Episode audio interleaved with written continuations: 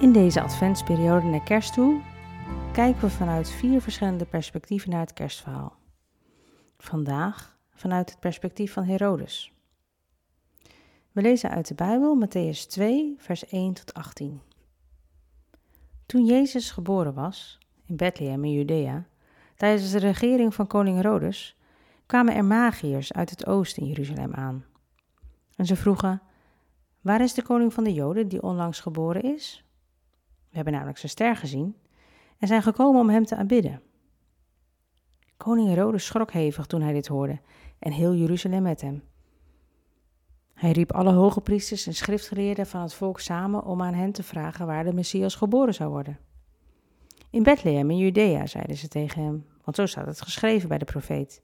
En jij, Bethlehem, in het land van Juda, bent zeker niet de minste onder de leiders van Juda, want uit jou komt een leider voort die mijn volk Israël zal hoeden. Daarop riep Herodes in het geheim de magiërs bij zich. Hij wilde precies van hen weten wanneer de ster zichtbaar geworden was. En stuurde hem vervolgens naar Bethlehem met de woorden: Stel een nauwkeurig onderzoek in naar het kind en stuur mij bericht zodra u het gevonden hebt, zodat ook ik erheen kan gaan om het te aanbidden. Nadat ze de koning hadden aangehoord, gingen ze op weg.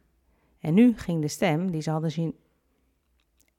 En nu ging de ster die ze hadden zien opgaan voor hen uit, totdat hij stil bleef staan boven de plaats waar het kind was. Toen ze de ster zagen, werden ze vervuld van diepe vreugde. Ze gingen het huis binnen en vonden het kind met Maria, zijn moeder. Ze wierpen zich in aanbidding voor het kind neer.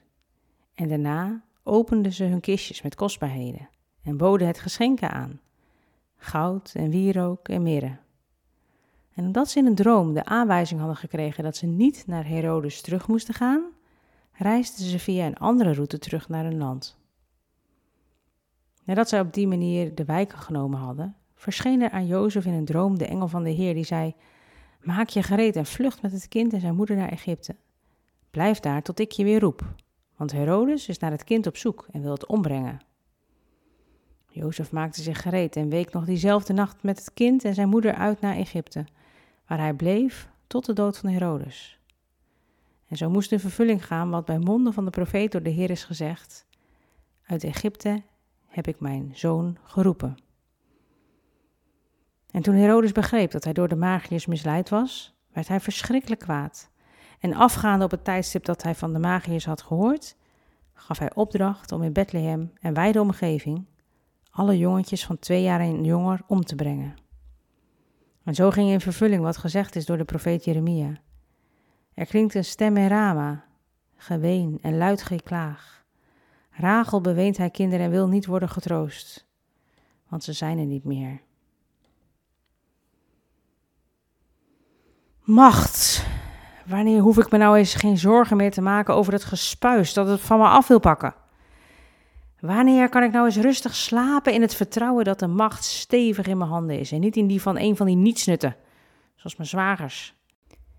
Ik kon niet anders dan ze ombrengen. De een werd wel erg populair bij het volk. Ik zag wel hoe ze voor hem juichten, dus daar moest ik gelijk een eind aan maken. En ja, Kostibar, mijn andere zwager, die had gewoon een complot tegen me gesmeed. Toch goed dat ik daar een neus voor heb en ze doorzag, die adders.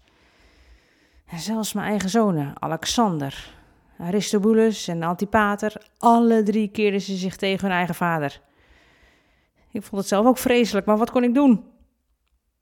Dit soort gedrag verdient maar één respons: de dood. Het is niet makkelijk koning te zijn. Iedereen wil mijn troon. Iedereen denkt dat het makkelijk is om te regeren. Maar het komt maar één toe.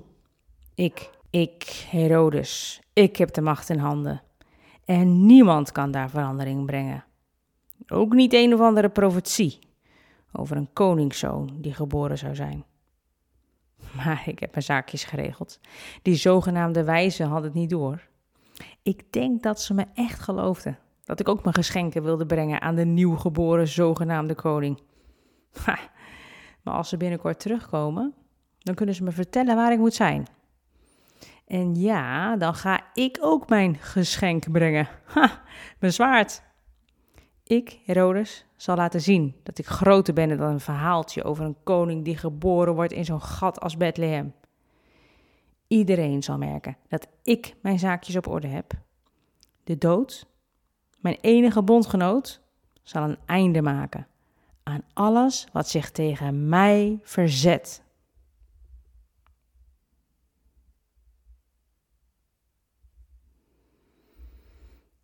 Herodes is wel veruit de meest onsympathieke persoon in het kerstevangelie.